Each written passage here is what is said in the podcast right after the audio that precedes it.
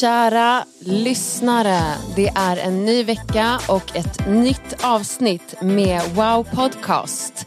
Så håll i er, det är höst ute eh, och man vill bara vara inne nu. Men det gör inget, för vi får vara i kyrkan. Så välkomna till veckans avsnitt. Louise är med er idag med fantastiska gäster och vi kommer ha det så bra. Ja, hösten är här. I morse när jag gick ut och skulle åka in till kyrkan så var det vitt på hela marken. Det var dimma, det var så kallt. Så jag visste knappt var jag skulle ta vägen. Men jag är så glad för att jag får vara i den, på den bästa platsen och det är i kyrkan. Ja. Och eh, jag har två fantastiska gäster med mig idag och de ska få introducera sig strax också. Men det är pastor Miriam Tekeste, välkommen. Tack så mycket. Känns det bra att vara här? Jajamän. Jajamän. Och så är det Cecilia Samacke. Välkommen. Tack så mycket. Ja, så roligt att ni är med idag. Och eh, jag har äran att få starta en ny serie som vi ska ha på podden nu. Och det kommer vara några veckor framöver och vi kallar den här serien för Church Comeback. Church Comeback. Och ehm, det är på ett sätt ett lite konstigt ord för att kyrkan har ju på ett sätt varit öppen. Vi har ju inte suttit hemma i ett och ett halvt års tid om man säger så utan tvärtom har kyrkan varit igång eh, otroligt mycket. Men att lokalerna får öppna. Eh, och i dagsläget har vi ju 300 som får komma men från och med nästa helg så öppnar vi upp hela kyrkan för alla. eh, så på det sättet är det Church Comeback. Och eh, att det är också en comeback för någonting nytt. Alltså att Gud ska göra någonting nytt. Och det är därför man känner en sån förväntan och en sån glädje. Eh, så att det har varit ett och ett halvt års tid då kyrkan har varit stängd, vi har haft online, vilket har varit fantastiskt. Eh, Gud har varit så trofast under den här tiden. Men nu så öppnar kyrkan. Nu kör vi. Nu kör vi.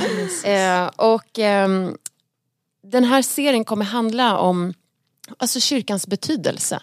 Församlingens betydelse. Eh, varför församlingen är viktig, varför man behöver en församling. Eh, och vi kommer bara liksom bredda det på massa olika sätt. Eh, så att det kommer bli härliga veckor. Men ni får bara introducera er, mina underbara gäster här. Så Cecilia, du får börja. Vem är Cecilia? Eh, jag är 25 år gammal. Eh, jag är gift sedan två år tillbaka och jag har en liten bebis på snart 10 månader hemma. Så jag är mammaledig. Ehm, jag har gått i kyrkan sedan jag kom 2016 men på riktigt gått sedan 2017. Ehm, ja, Mm. det är lite om mig. Lite om dig. Ja, ja och Miriam. Ja, jag heter Miriam som sagt och eh, jag är gift med Sham. Och mm, ja, jag är mamma till tre barn. Och jag har varit med här i kyrkan sedan 2011. Mm. Och ni har ju någonting gemensamt. ni har många saker gemensamt säkert men en sak är ju att ni båda har en, en mindre pojke som har samma namn. Ja, Samuel. Ni båda har en pojke som Bästa heter namnet. Samuel. Ja, verkligen. jättevackert namn. Eh, men jag tänker, kan inte ni bara berätta hur det var för er? Hur kom ni till kyrkan? Eh, och eh, liksom, vad har församlingen fått betyda för er? Eh, jag, som sagt, jag kom till kyrkan 2016. Eh, jag kom till en, eh, min kompis bjöd mig till en wow-grupp. Ehm, och jag kom dit och blev frälst och liksom ville förvandla mitt liv. Ville leva med Jesus men jag hade en massa omständigheter i mitt liv som jag inte var redo att ge upp än. Eh, men efter mycket bön från mina underbara vänner och underbara wow-gruppskompisar så eh, avslutade jag liksom det jag var inne i, relationen jag var inne i eh, och valde att leva för Jesus. Ehm, men sen så gick jag tillbaks till att inte vara, alltså leva utan Gud igen eh, i slutet av 2016. Men sen i början av 2017 på böneveckorna så kom jag tillbaks i full fart och det blev liksom som en, en ny start för mig och sen den dagen har jag liksom sagt att jag kommer vara med Jesus tills dagen jag dör och i hela evigheten för att jag vet att det finns inget liv utan honom. Liksom. Mm. Och i det här så har församlingen varit så viktig för att utan församlingen så hade inte jag, alltså jag hade inte suttit här mer idag. Jag hade inte, om jag inte hade haft tjejer som hade bett för mig eller bjudit mig eller haft en plats där jag kunde vara trygg och gå och vara älskad för den jag är så hade jag liksom inte varit där jag är idag. Jag hade inte mått på samma sätt som jag är idag. Och det har varit alltså, tryggheten och beskyddet i mitt liv. På ett, alltså, utan liksom någonting annat. Inte likt någonting annat så har det varit det jag har behövt och det som har räddat mig. För att utan det så hade jag liksom ingen trygg plats jag kunde komma till. Mm. Så det har verkligen varit mitt beskydd. Mm. Sen jag blev frälst. Liksom. Mm.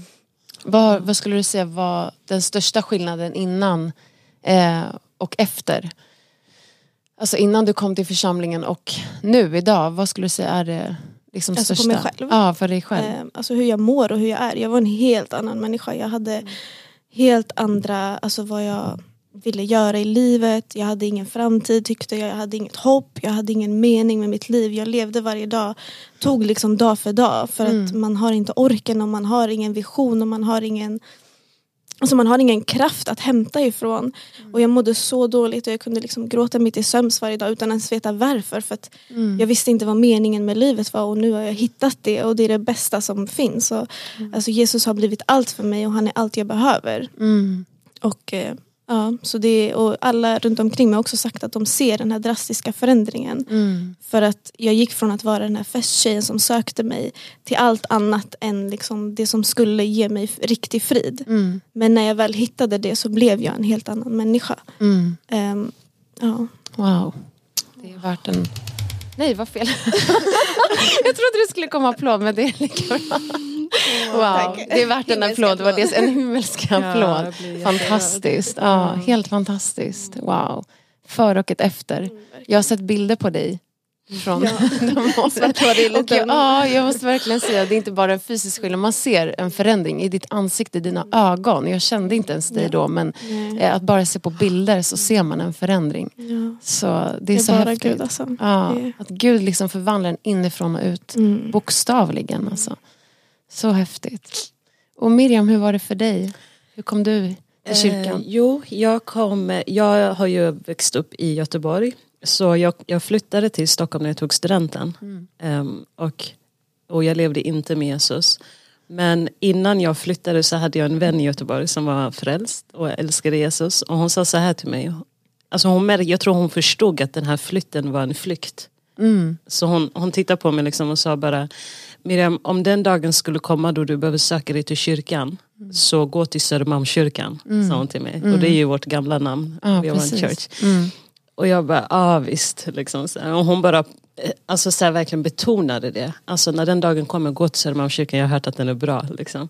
Och sen när den dagen väl kom, ehm, jag tror typ sex månader in i min vistelse här i Stockholm så var jag så här, okej, jag mår inte bra, jag behöver hitta någonstans där jag kan få frid. Liksom.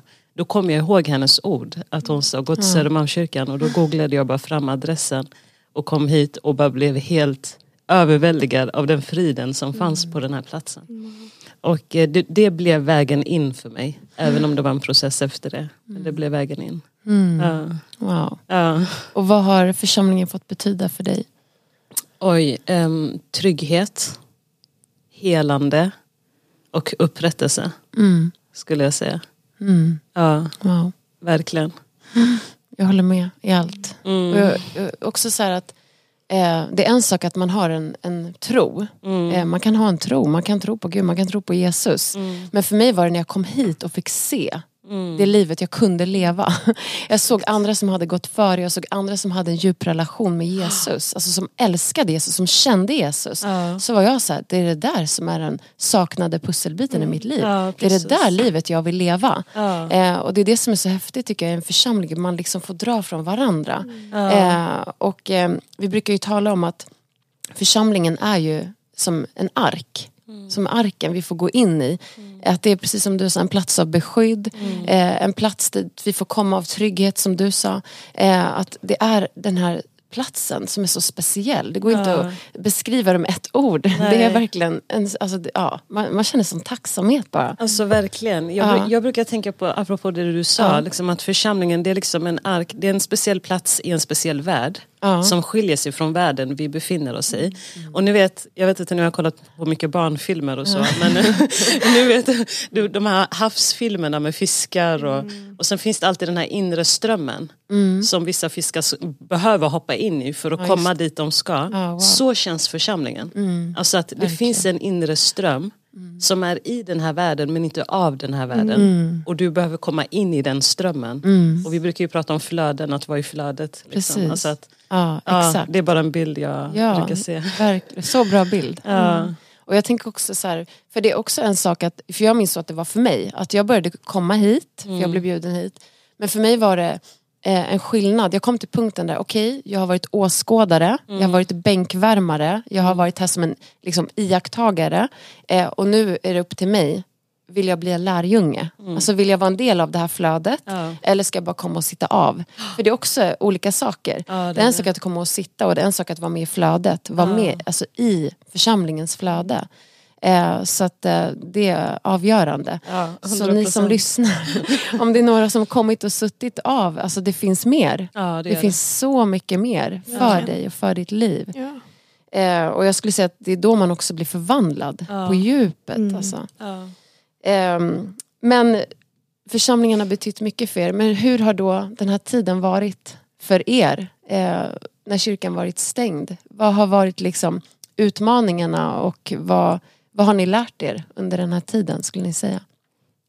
Det, alltså, det som jag har sett är Alltså när man har sett att allt har tagits ifrån människor. Alltså allt som folk har liksom satt sitt hopp till. Allt, alltså kyrkan. Men också ute i världen. Alltså allting som människor har satt så högt har liksom rivits ner. Så har det blivit svart på vitt. Okej men vad är det som spelar roll? Vad är som är av det som inte kommer rasa samman när allt rasar samman? Vad är det som står fast på klippan? Och det är Gud och det har bara visat för mig, okej men hur mycket måste jag ge mig mer till Jesus alltså, än vad jag har gjort innan. För att det är det enda som kommer hålla fast när allting annat rasar. Det är det enda som kommer liksom bygga upp mig och finnas där oavsett vad som händer i världen. Och för, det har bara blivit en så här, okej men vad gör jag nu? Alltså evighetsperspektivet har blivit så mycket starkare i den här tiden för att det är det enda jag alltså, strävar efter, det är det enda jag ser i allt jag gör för att allt annat är bara förgängligt. Och det har blivit så synligt den här tiden. Och det är den största lärdomen jag tar med mig att alltså, det finns inget annat, allt annat är bara plus i kanten. Men det enda som verkligen betyder någonting och som kommer stå fast genom allt det är Jesus. Men jag är också så tacksam för att vi fortfarande haft våra wow-grupper. Att liksom den gemenskapen alltid har funnits. För att utan den, alltså då finns det alltid någon plats du kan gå till och få ordet. Även om du kanske inte läst själv. Utan då kan du komma dit och du har någon som ber för dig. Och du har den här gemenskapen som vi behöver i den här tiden. Och vad heter det också att när du lever i det så blir det på ett helt annat sätt. Alltså det, man märker skillnaden och det jag tar med mig också störst är liksom att ha sin DD. Alltså jag, jag s- har sagt till mig själv liksom att oavsett hur min dag ser ut, oavsett hur hexiskt eller vad den är, alltså om inte jag har min DD på morgonen, jag vågar inte ens gå utanför min dörr Nej. utan att ha min DD för att jag vet att den här världen är så fallen och det är det enda jag kan ha mitt hopp till. Mm. Och det har verkligen burit mig hela vägen och det är därför jag ser att jag kan stå upp idag och stå på klippan för att det är den som aldrig rasar. Liksom. Mm. Ja, wow. Verkligen. Så starkt. Ja. Jag kan bara hålla med. Liksom. Jag känner att den här tiden har varit en tid av antingen eller. Mm. Alltså det har varit en tid då man behöver bestämma sig liksom, i stort som smått. I, i så dagliga rutiner men också större åtaganden och så vidare. Vad är det jag gör med mitt liv? Det har varit en tid av utrannsakan tror jag. Mm. Eh, för många men även för mig själv liksom, personligen. Och också att, alltså att man, man måste bli mer radikal. Jag tycker den här tiden har pushat mig till att bli ännu mer radikal om man nu tyckte att man var radikal innan. Alltså, ni förstår, Ja. vad jämför man radikalitet med? Det är bara att kolla på Jesus så förstår man att det finns mer att hämta. Mm. Men, eh, men det, det är verkligen antingen eller. Och som ledare så har jag också känt den här nöden att, för det fanns också en tid då wow-grupperna inte kunde ses utan där det bara var online. Ja. Och då har jag också känt den här nöden att om den tiden skulle komma då vi inte kan ses, kommer ni ändå stå på klippan? Mm. Alltså att, att det finns ett personligt ansvar också i det, precis som vi var inne på här tidigare. Så att det är väldigt mycket utrannsakan tror jag. Ja. Verkligen. Vi har också funnit det som en tid att här, stilla sig. Ja. För allt annat, alltså, även fast alltså, kyrkan har varit stängd men vi har haft våra gudstjänster men också typ alla hjälptjänster, allting. Man har bara fått så här, stilla sig och så här, vara med Gud på riktigt. Ja. För det har inte varit så mycket annat. När, den tiden när allting var stängt Mm. då fanns det inte så mycket annat att göra och då var det så okej men vad gör jag med min tid? Sitter jag och tittar på serier eller är jag med Gud? Liksom? Vad väljer jag att göra? För Precis. det kommer Så liksom vara med mig sen. Ja, Ja. Verkligen. Nej, men saker har tagits till sin spets. Ja. Och det har blivit upp till var och en. Mm. Precis som ni säger. Att eh, Det räcker inte att gå till kyrkan på söndagen. Eh, det är inte det som är att bygga sitt liv på klippan. Nej. Utan det är precis det ni pratar om. Liksom ens DD, alltså daily devotional, egen relation med Gud. Eh, men sen också den här djupa gemenskapen. Alltså, man, precis som ni säger, det är verkligen så här, vad är det som är det viktigaste? Faktiskt. Så att jag tycker den här tiden har varit så lärorik. Och liksom, den här tiden har inte varit en surprise för Gud.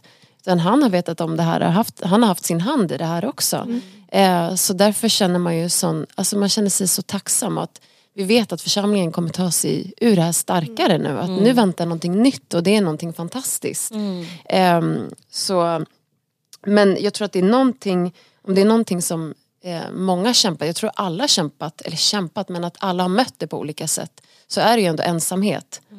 Eh, att ensamhet tror jag har blivit påtagligt på ett helt annat sätt. Eh, och just det att, att det kan ha blivit lätt att isoleras. Eh, att hamna i, i en egen bubbla eh, på ett annat sätt. När just rutiner försvinner, det här man har brukat göra, hjälptjänster som du var inne på.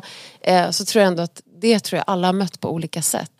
Eh, men att i det förstå att det enda som håller är Gud ju. Eh, och han är min källa och han är den jag får min bekräftelse ifrån och tillfredsställelse, allting. Eh, så att jag tror att så här, prioriteringarna har bara fått sätta sig i ordning. Eh, att man förstår. Och sen samtidigt så inser man ju också att församlingen är så viktig. Eh, att kunna träffas och allt det här, vad det betyder på riktigt. Om man innan var så här, ja jag får se om jag går till kyrkan, om, om någon har tänkt så innan så tror jag att det har bara fått rasa ner. Eh, så även om jag tror att det är lätt att bli bekväm i en sån här tid också. Eh, men så jag tror till största del så att det har väckts den här djupa tacksamheten till församlingen och gemenskapen. Liksom. Ehm, och jag tänkte, vi har, vi har börjat sjunga en sång i kyrkan en del eh, där liksom en line går så här It's not a building you wanna feel, it's my heart. Eh, det verkligen sätter ord på Ja. eh, det, det det har. Favoritsången. Ja. eh, nej men det, det är verkligen svart på vitt vad vi har fått lära oss. Eh, att det handlar inte om en byggnad. Församlingen är inte först och främst en byggnad. Eller events eller det som har plockats bort under den här tiden. Utan det är som att Gud bara skalat av lager och bara det är det här som är församlingen. Eh, Det är människor. Eh, det är den här djupa gemenskapen liksom. Relationer och allt det här. Eh, så att vi har lärt oss mycket. Verkligen. Och vi tar med oss allt det här in i nästa tid nu som vi kliver in i. Ehm, men vi pratar mycket om community i vår kyrka. Liksom wow community, vi pratar om wow-grupper. Eh, we are one, vi pratar om gemenskap. Allt det här. family. We are family. Det är så mycket. Eh, och för oss är det en självklarhet för vi, vi pratar om det här och lever det här hela tiden. Ehm, men eh, varför är gemenskap så viktig? Vad ska ni säga? Vad säger du Miriam? Nej men precis som du var inne på, alltså, kyrkan är ju inte en byggnad. Nej. Utan det är människor. Och det, jag tror det är vårt sätt att uttrycka gemenskapen på. När vi har alla våra communities. Som jag brukar sammanfatta det med. Men Ja. alla våra wow hangouts och alltihopa. Wow-grupperna det är platsen där vi, ja, alltså vi människor som människa kan träffas. Individer emellan. Så om kyrkan inte är byggnaden. Då är det alltså människorna. Som behöver träffas. Alltså, kyrkan händer när vi tre sitter här Ja. och pratar med varandra. Det är det här som är kyrkan. Kyrkan händer när vi möts i wow-grupperna eller när vi möts i, i alla de här olika plattformarna som du nämnde. Men, men jag tror också, apropå att man kan liksom vara en besökare. Jag tror man kan ha en ytlig relation till den här gemenskapen eller så kan man kliva in i det, alltså gå in på djupet. Och jag tror att det som är väldigt så här, det mest ehm, Alltså det som brukar vara det största problemet när man kommer utifrån in i kyrkan det är ju att man är sårad som människa. Och man, man har liksom byggt på sig några lager och man vågar inte sänka garden och så vidare. Jag var själv så. Jag. Alltså jag, jag, var- jag hade kommit fram till en slutsats att man kan inte lita på människor. Punkt. Och så jag kom in i kyrkan med det bagaget. Och då ska jag alltså ge mig till, till människor. Om det är det som är kyrkan. Alltså det är klart det finns en, en brottningskamp där. Och, och jag tror många fastnar i det, i det diket och lyckas aldrig komma in i gemenskapen så som Gud kanske hade tänkt. För kyrkan är Guds familj. Så här är Gud och han försöker bilda en familj. Men så finns det barn som inte vill ge sig till pappa Gud eller inte vill ge sig till sina syskon i församlingen. Och då hamnar man utanför, då lever man i ett utanförskap. Du kan till och med ha din daily devotional och fortfarande vara i ett utanförskap. För att Bibeln blir inte personlig för dig. För i slutändan, du litar inte på människor för att du kanske inte heller litar på Gud. Och det var där Gud behövde konfrontera mig. När jag gick bibelskolan. Att det är inte människor du inte litar på utan det är mig. I, i grund och botten så är det mig du inte litar på. Så när jag, när jag behövde släppa liksom de- de bagagen som jag bar på av svek och sår och massa oheliga löften som man ingår med sig själv om att jag ska aldrig lita på människor. Det är löften som binder en. Och man behöver bryta de löftena och säga okej vet du vad Gud, det, det här är jätteläskigt men jag kommer börja lita på dig nu. Och när man, det blir liksom första steget. Och okej om jag vågar lita på Gud, vågar jag lita på de här människorna som säger att de älskar Gud. Att de lyder Gud, att de följer Gud. Alltså att det blir steget in i gemenskapen. För Verkligen. att det ska bli en riktig gemenskap, Ja. tror jag. Absolut. Mm. Så är det. Och jag tänker när man kommer in i kyrkan också. Eh, det första man ser är ju liksom det här mer minglet. Ja. Av att hej, hur mår du? Jag mår bra. Hur mår du? Det här. Ja. Eh, och det är ju inte gemenskapen i första hand det vi pratar om här. För att det, det kan komma, jag vet människor jag pratar med som är så här, jag tycker det där är jättejobbigt. Ja. Jag tycker det är jättejobbigt att stå och mingla och hålla på så här och bara gå och prata med helt nya och öppna mi- mitt hjärta och, och Ja. det förstår man ju. Eh, och det, det är något självklart man kan träna på Ja. också. Eh, jag tror när man, när man blir trygg i sig själv och blir helad som du är inne på så, så tror inte jag att det är ett problem längre på Nej. samma sätt. Men, eh, men det är inte där man hittar den djupa gemenskapen. Eh, utan det är därför vi har wow-grupper. För att du ska få den här djupa gemenskapen på ett annat plan. Där man kommer hjärta till hjärta. Där man står tillsammans i livet. Där man delar sina problem men också firar sina segrar med varandra.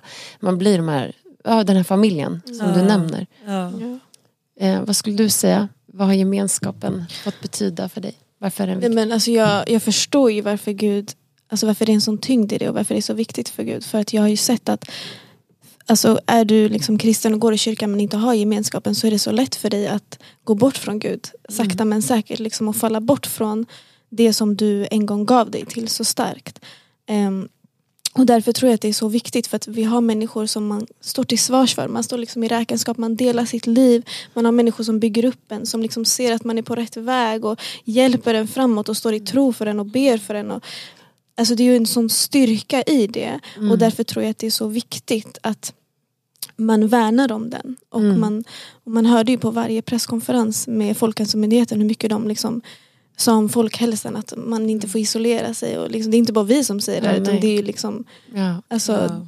Världen säger också så. Att det är en fara isolering i sig. Exakt. Mm. Så hur mycket mer behöver inte vi vara i det här? Och Mm. att man inte får, liksom, efter nu när, när vi öppnar upp, att man inte fortsätter att sitta hemma själv utan att man verkligen vågar liksom komma till wow-gruppen och vågar ta de här stegen för att det kommer bara bygga upp dig i slutändan. Ja. Alltså det kommer bara vara en hjälp för dig framåt. Mm. För att jag vet utan, alltså, om jag inte hade gått till en wow-grupp så Alltså, när jag kom till kyrkan så hade jag människor som välkomnade mig och som blev mina systrar.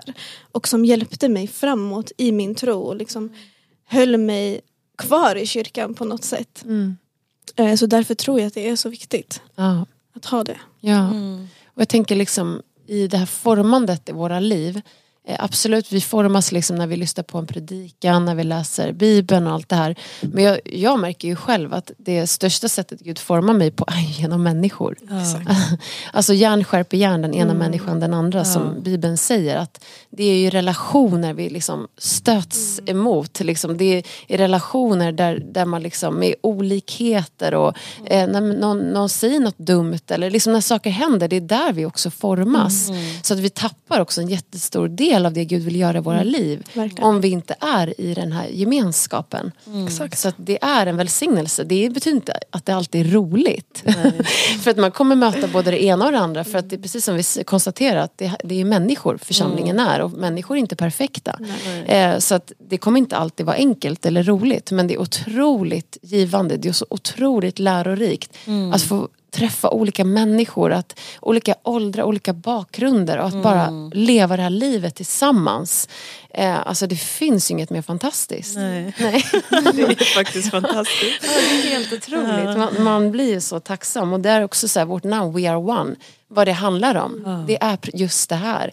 Att det spelar ingen roll vilka vi är. Det spelar ingen roll vad vi varit med om, var vi kommer ifrån. Alltså vi är ett. Ja. När vi står tillsammans. Ja. Ja. Det, alltså det är ju det Bibeln konfronterar. Det är det Gud konfronterar. Så han säger att jag har skapat alla, alla är mina barn. Men vi kommer från olika bakgrunder. Liksom. Och sen så rent mänskligt sett så tycker man att det kanske blir ett hinder. ja, Men, men Gud menar alltså att det går att komma över de här hindren och bli ett i alla fall. Ja. Trots bakgrund, hudfärg, land, Exakt. whatever. Alltså allt. Verkligen. Ja. Ja, nej, det är så viktigt. Eh, och någonting som man också känner en sån otrolig tacksamhet till. Som jag, jag vet inte vad vi skulle varit idag om vi inte eh, hade det. Och det är den vision vi har. Mm. G12-visionen. Alltså under den här tiden, det har varit vår räddning. Eh, för att det handlar inte heller bara om att vi har gemenskap i form av att vi kommer och fikar och se- har det mysigt tillsammans. Utan det finns något mer. Alltså vi är på väg någonstans. Eh, vi vill vara lärjungar liksom. Eh, så det handlar inte bara om att vi umgås och har kul. Utan vi, det är liksom, vi delar våra hjärtan, vi ber tillsammans. Vi liksom är i ordet och allt det här. Men att vi, alltså det finns det här djupare. Och det är det som är det livsförvandlande. Eh, och som väl otrolig välsignelse att vi bara får ha det i vår församling. Eh, men jag vill bara höra liksom, eh, vad ni tänker för att det, det är så, dels som välsignelse också att man har, man har bröder och systrar och allt det men också att man får ha en ledare. Eh, och eh, att man får ha en ledare som står med en. En ledare som kan tala in i ens liv, som ber för en och allt det här. Eh, och jag vet att ni, ni har ju en ledare, men ni är också ledare. Eh, kan inte ni bara berätta, alltså, vad är välsignelsen i det? Ja, absolut. Eh, jo, men jag tror mycket på att vi människor behöver ha ett eh, inflöde. Men vi behöver också ha ett utflöde. Och det får man genom att man har en ledare som liksom får tala in i ens liv, som får forma en och som står med en och allt det här. Men också att du är en ledare som ger. För att du får så mycket av att ge. Alltså det har varit stunder när jag varit såhär, okej men jag kommer ställa in idag för att jag mår inget bra. Men så är jag såhär, nej jag ska ha, de ska komma hit och så kommer de och sen efteråt så mår jag liksom alltså, bäst som jag mått på hela veckan. För att det är så, alltså när du blir vederkvick, när du, alltså, när du vederkvickar andra, liksom, du får liv när du ger liv. Så det för mig alltså, har varit det bästa. Att, liksom, att se människor bli förvandlade och se människor ta beslut som du vet kommer gynna dem och stå med dem. Och, alltså det är livet. Det är det bästa jag vet. Att liksom, resa upp en ny generation för Gud. Mm. Det finns liksom inget bättre. Mm. Det är helt... Verkligen, jag kan bara instämma. Alltså det är helt fantastiskt. Och att ha en ledare det är, det är en välsignelse för att, alltså att ha en person som är din förebild på nära håll. Det behöver inte vara liksom en rapstjärna i USA eller, Nej. eller någon realityserie här i Sverige. Precis. Utan, Ja. utan min förebild är en person som jag faktiskt känner. Ja. Och som lever ett liv som jag också vill leva. Mm. Och, därför, och så har jag en, en direkt kontakt med den människan. Där jag kan liksom följa den personen och kommunicera och bolla tankar och liksom bara dela mitt hjärta med. Det är helt fantastiskt. Och också som du säger, att den personen ber för mig, det förutsätter ju att den personen känner mig och vet vad jag står i och så vidare. Så att det är en fantastisk relation, det är verkligen en välsignelse. Att ha någon som bär dig i sitt hjärta och som liksom blickar framåt åt dig och hjälper dig Ja. att gå i den riktningen. Det är en välsignelse. Ja. Ja. Jag sitter och wowar. Vi, vi själva pratar om. Eh, Det är så bra.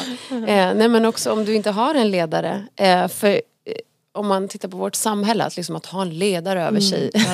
det, det klingar inte så här jätte, jättepositivt i vårt samhälle. Eh, men om man tittar på vad Gud säger i sitt ord så är det eh, en princip. Alltså det är en gudomlig princip att Eh, att vara underordnad någon. Ja. Att ha en ledare. Eh, det är ett beskydd för en. Det är en välsignelse. Det handlar ingenting om att vara kontrollerad av någon. Eller liksom att någon ska bestämma över en. Det har, har inte med det att göra. Eh, utan det är precis som du säger. Att det handlar om att komma nära någon. Eh, att kunna dra från någon. Eh, att kunna dela hjärta med någon. Eh, att få det här utbytet, att någon får tala in i ens liv. Eh, att det är en sån välsignelse. Så om du inte har en ledare så kontakta oss så ska du också få det. Ehm, men också det här utflödet, att det är också en sån välsignelse att kunna ge ut. Eh, och även om du inte är en ledare idag, alltså Gud tror på dig, han kan resa upp dig i den här tiden. Eh, och vi kan också ge ut på andra sätt, eller hur? Vi kan ge ut i gemenskap, vi kan ge ut i att vi är med och tjänar och hjälper till i församlingen. Eh, men liksom att det här utflödet finns i våra liv eh, är så viktigt. verkligen. Ja. Och ni sitter ju också här och eh, är gifta. Mm. Och ni båda hittade er man, om jag förstått det rätt, era stories rätt i församlingen. Ja. Eh, och ni är också mammor idag. Cecilia har ett barn och Miriam har tre barn. Eh, kan inte ni också bara dela alltså betydelsen i det? Eh, att få resa upp en familj, eh, en prästerlig familj som vi pratar mycket om i vår församling. Och det vet jag när man kommer hit. För mig var det en chock. Så här, Oj vad man talar om familjen i den här kyrkan. För mig var det så främmande och det var svårt att ta in i början. Och liksom, att ta emot och acceptera nästan. Eh, så att, kan inte ni bara berätta, vad, vad, vad betyder det för er? Vad är det? Och eh, hur är det att leva så? Ja men det är fantastiskt. Alltså det, jag håller med, det var främmande för mig också att höra så mycket om familjen när jag kom till församlingen. Alltså familjen var kanske till och med det ämnet man undviker Ja. ute i samhället. Alltså Ja. att det, det är lite jobbigt att prata om familjen. Men när jag kom hit och första jag såg var ju pastor Lennart och Carolinas kärlek för varandra. Jag blev så tagen. Ja. De kunde liksom stå på scenen och ge kärleksförklaringar till och jag bara Va? Alltså vad är det som händer? Ja. Det var så vackert. Jag blev så liksom, nästan chockad av den kärleken. Men så småningom så började jag landa i att men det kanske är något jag själv vill ha i mitt liv. För att det var lite främmande för mig att gifta mig. Jag hade, för att vara ärlig, jag hade aldrig sett ett lyckligt äkta par en enda gång under hela mitt liv. Förrän jag såg pastor Lennart och Carolina och jag blir rörd nu bara jag tänker på det. Men, ja. men eh, ja, det var det som fick mig att liksom våga sträcka mig efter att det kanske finns mer. Och om jag ska sträcka mig efter det som de har då kommer det betyda att jag måste börja öppna upp mig. Och det var där liksom allt började. Det var så här, ja, Det blev en resa som förvandlade hela mitt liv. Alltså att jag ska börja lita på Gud, börja lita på människor, börja våga bjuda på mig själv, alltså liksom kunna blomma ut. I den som Gud hade tänkt att du skulle bli. Och inte den du hade blivit som resultat av omständigheter. Utan att Gud faktiskt har en plan och en tanke för dig som person. Men också för din framtid. Och så vidare. Och sen att från det gå till att faktiskt hitta min man i församlingen. Eftersom att Gud hade blivit min trygghet. Så var det jätteviktigt att, att för min man skulle Gud också vara hans trygghet. Och jag, jag minns att jag hade skrivit i min drömbok slash dagbok, man kan kalla det vad man vill. Men jag hade skrivit att liksom, min man, han, han ska vara en man som för mig närmare Gud. Och när jag träffade min man så hade han skrivit samma sak. Min fru ska vara en kvinna som för mig närmare Gud. Och bara det blev ett bevis för mig på att Gud är hans trygghet.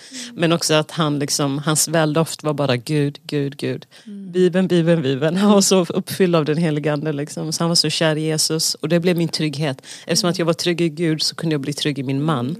För jag, jag kände igen den tryggheten jag bar på i mitt eget hjärta. Och Alltså finner man varandra i Gud så blir livet så enkelt. Ja. Det blir så enkelt att göra det. Jag säger inte att allt är en dans på rosor. Nej. Men om man står på samma grund, om man står på samma klippa så underlättar det livet. Alltså typ 99 Ja, procent. absolut. Så att resten blir bara så här petitesser i jämförelse. Liksom. För vi landar alltid i samma grund. Eh, och sen att kunna liksom få barn i det, alltså, vad ska man säga? Alltså Gud bara vidgar ens hjärta. Ja. Och man tror man ska spricka av all kärlek och då, får man, då kommer man återigen tillbaka till Gud. Om jag kan älska min man så här mycket, om jag kan älska mina barn så här mycket, hur mycket mer älskar inte Gud mig? Mm. Alltså man landar alltid i det. Liksom, att, alltså Guds kärlek, man får bara lära känna Guds kärlek mer och mer Mm. genom varje välsignelse. Så Cecilia, skaffa fler barn. Yes. det kommer. Ja, Cecilia är supermom. Halleluja. Ja, nej, vad fantastiskt. Alltså, wow. Så starkt. Ja. Och Jag nu- tycker också det är ett sånt privilegium i den här tiden att resa upp en familj Alltså där du tror att familjen är liksom samhällets kärna i Mm. ett samhälle där, som säger liksom tvärt emot. Som Mm. säger att du ska inte få bestämma och du ska inte få välja vilken skola och du ska inte, alltså du som familj ska inte få bestämma men att vi får liksom gå före och tro på någonting annat. För mig är det så stort och det är sånt, alltså gud vilken nåd att vi får liksom visa den här världen någonting annat. Att det faktiskt funkar att ha familjen som liksom nummer ett. Mm. Alltså det, för mig det är bara ett privilegium liksom, Mm. att leva ett sånt liv. Mm. Ja. Wow. Och hur länge har du varit gift nu? Cecilia? 2019. 2019, två år. ja, exakt. Ja. Men wow, alltså det är fantastiskt. Och jag vet, du kommer inte heller från en bakgrund där det har varit något självklart. Så, Nej. Eh, men nu står vi här. Eller sitter ner gör vi. Men, eh, och det är eh, som välsignelse Mm. att resa upp nästa generation. Att hela tiden tänka, alltså inte bara på mig själv i saker. Utan så här, att det finns människor som behöver det jag har fått ta emot och möta. Det finns barn som behöver resas upp Ja. liksom. Eh, som på samma sätt också får det. Och ja, det är man också så tacksam för. Mm. Eh, att vi ska resa upp starka familjer. Amen. Oavsett var vi kommer ifrån. Oavsett hur vår familj har sett ut. Hur trasigt den har varit. Så Gud eh, har någonting annat Ja, eh, för en. Så att eh, ingenting är omöjligt. Nej, och jag tror alltså familjen blir ju en reflektion av Guds kärlek. Ja. Så på samma sätt som jag kunde bli tagen av pastorernas, var alltså kanske inte kärlek till Jesus först utan kärleken Mm. för varandra. Som man och hustru, det, var tag, det, det blev jag tagen av. Och det är ju en reflektion av Guds kärlek. Exakt. Så att familjen blir ju en spegling och även där vi bor i våra samhällen och i våra grannskap eller i våra släkt och alltihopa, överallt där vi möter människor, att de får se en upprättad familj, ett upprättat äktenskap, en stark familj, det är ett vittnesbörd. Alltså, Verkligen. det sticker ut. Mm. Det är inte vanligt idag. Nej, verkligen. Och jag tänker vi vi tar med det. För att jag tänker så här, det får också vara det som applicerar allt. Att, alltså Guds kärlek, det är genom Guds kärlek vi kan älska varandra. Ja. Alla människor. Alltså så här, Gud älskar alla. Eh, I församlingen, trots att människor är olika trots att man gått igenom svåra saker. Alltså Guds kärlek kan övertäcka Eh, Exakt. liksom, människor, liksom, vad människor har gjort mot en och allt det här. Eh, så att vi ska älska Gud och älska människor. Amen. Kort och gott. Och det är församlingens mission i den här tiden. Vi ska vara den här arken, vi ska ta in människor i arken. Eh, där de bara får möta Gud och bara får känna, uppleva den här kärleken på riktigt. Och eh, nästa vecka så öppnar ju lokalerna. Eller dörrarna på vid gavel. Ja. Eh, och alla får komma. Eh, och eh, det kommer kännas som himlen på jorden på riktigt. Så du som lyssnar, var här i tid. Kom. Kom, liksom, ta din plats. Eh, vi kommer öppna på söndagen nästa vecka. Eh, hela lokalen. Och sen veckan efter kommer det även vara helt öppet på fredagar. Men alltså var i församlingen i den här tiden. Eh, församlingen är det som är räddningen. Alltså för våra liv, för vårt land. Eh, så alltså var mitt i församlingen vill vi bara skicka med er. Slutligen här. Eh, och missa inte det nya nu som Nej. kommer. Det nya Ja. Gud har för oss. Alltså det är någonting nytt. Man bara känner det så tydligt. Eh, så bara anslut dig. Kom som du är och bara anslut dig. Våga öppna ditt hjärta. Våga kliva in i den här gemenskapen. För det är en sån välsignelse. Om du redan är i församlingen så bara värdesätt det ännu mer. Liksom, Dra med dina vänner, dra med din familj. Eh, för Gud har någonting framför oss nu. Så är ni taggade för nästa Ja. helg? Ja. Can't wait. Can't wait. Verkligen. Så tack att ni har varit med och vi ses i kyrkan. I så våra mycket. lokaler. Tack att ni har lyssnat. Ha en underbar helg så ses vi.